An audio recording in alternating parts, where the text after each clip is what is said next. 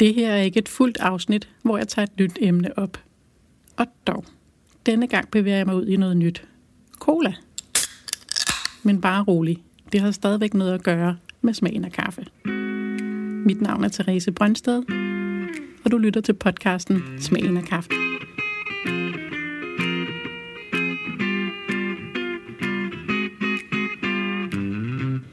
Her i denne kaffepause vil jeg give jer en lille smagøvelse, hvor du kan øve dig i at udforske med smagssansen. En ting, som gør, at folk ofte ikke tænker over, hvor forskellig kaffe kan smage, er fordi kaffe ser så ens ud. Vores smagsoplevelse afhænger af meget andet end fysiske smagsindtryk. Det er også, hvad vi ser og hvad vi ved på forhånd. Som regel ved vi altid, hvad vi skal forvente, når vi spiser noget. Du har købt en jordbæris, der er et jordbær på emballagen. Isen er farvet rød. Der står på, det er jordbæris. Og hvis den smager cirka som forventet, så er der jo ingen grund til at udforske nærmere med smagssansen. Hvis du aldrig har været udfordret på det her punkt, hvis du altid har været støttet i, hvad du skal forvente af din smagsløg, så har du ikke rigtig udviklet din evne til at smage. Jeg lavede lige et spørgeskema med jer, som er med i Facebook-gruppen for podcasten her. 80 procent af jer siger, at I godt kan smage forskel på kaffe, men har svært ved at sætte beskrivelser på. Men som med alt andet, så gør det en forskel at træne og udfordre sig selv.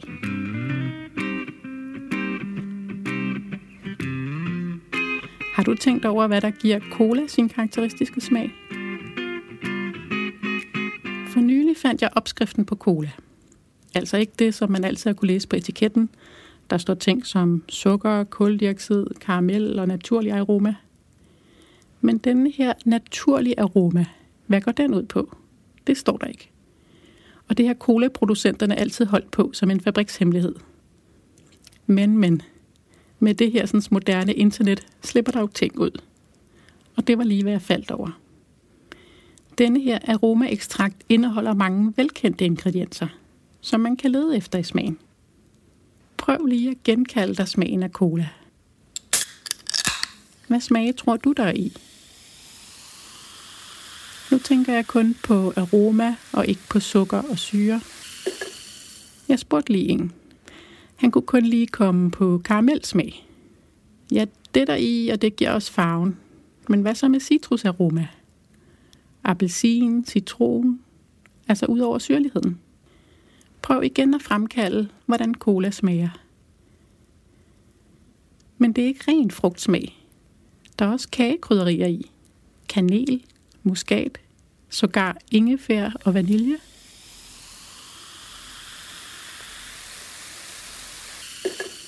Der er mange colaopskrifter. Hver producent har sin egen opskrift, og det er forskelligt, hvad der er i.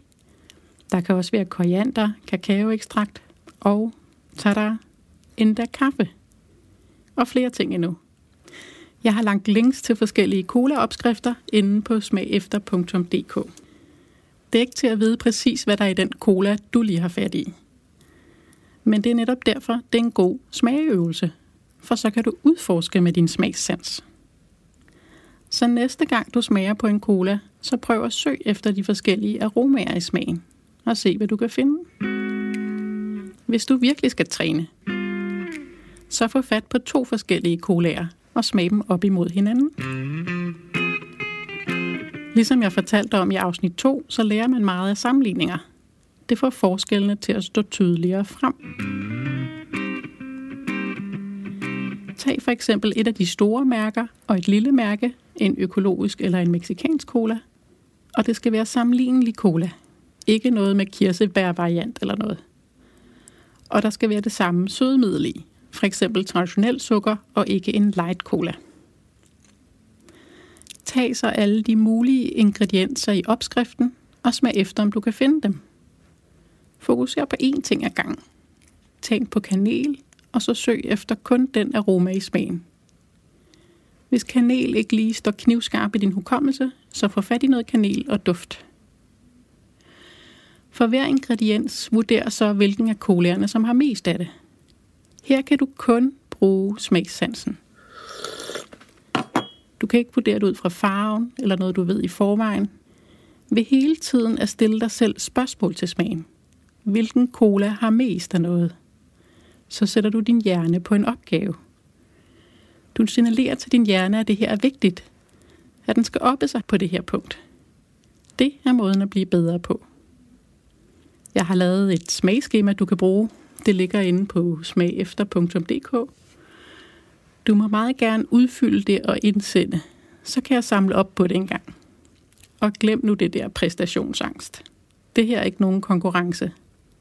Det handler om at tage udgangspunkt i det smageniveau, du nu engang er på. Jeg prøvede lige at sammenligne to colaer. Den ene havde tydelig kanel, muskat, mens den anden havde appelsin, lime, ingefær.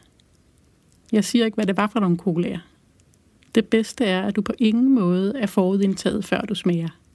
Pointen er jo, at du kun har din smagssans til at orientere dig med. Nu sagde jeg lige, at jeg fandt lime i smagen. Faktisk blev jeg lidt usikker på præcis, hvordan lime aroma er i forhold til citron og appelsin. Ikke syrligheden i frugtkødet, men aromaen i skallen. Så jeg må se at få købt en lime, og så lige raspe skallen lidt på rivejernet, for at få genopfrisket den aroma. En sidste ting vær lige opmærksom på, at kold cola har mindre smag end ved stuetemperatur. Så hvis colaerne kommer fra køleskabet, så hæld dem på glas og lad dem stå lidt. Øvelsen giver mere mening, når colaen er nogenlunde stuetemperatur.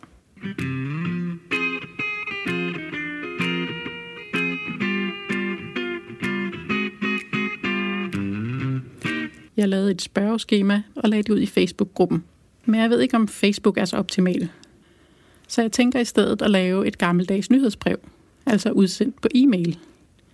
Jeg kunne sende sådan et spørgeskema ud, eller for at spørge, om nogen har erfaring med noget konkret, jeg skal lave et afsnit om. Og når der udkommer et nyt afsnit, kunne jeg lægge links til ekstra materiale.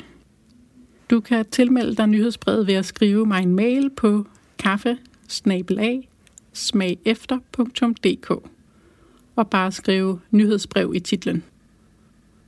Nå, nok for denne gang.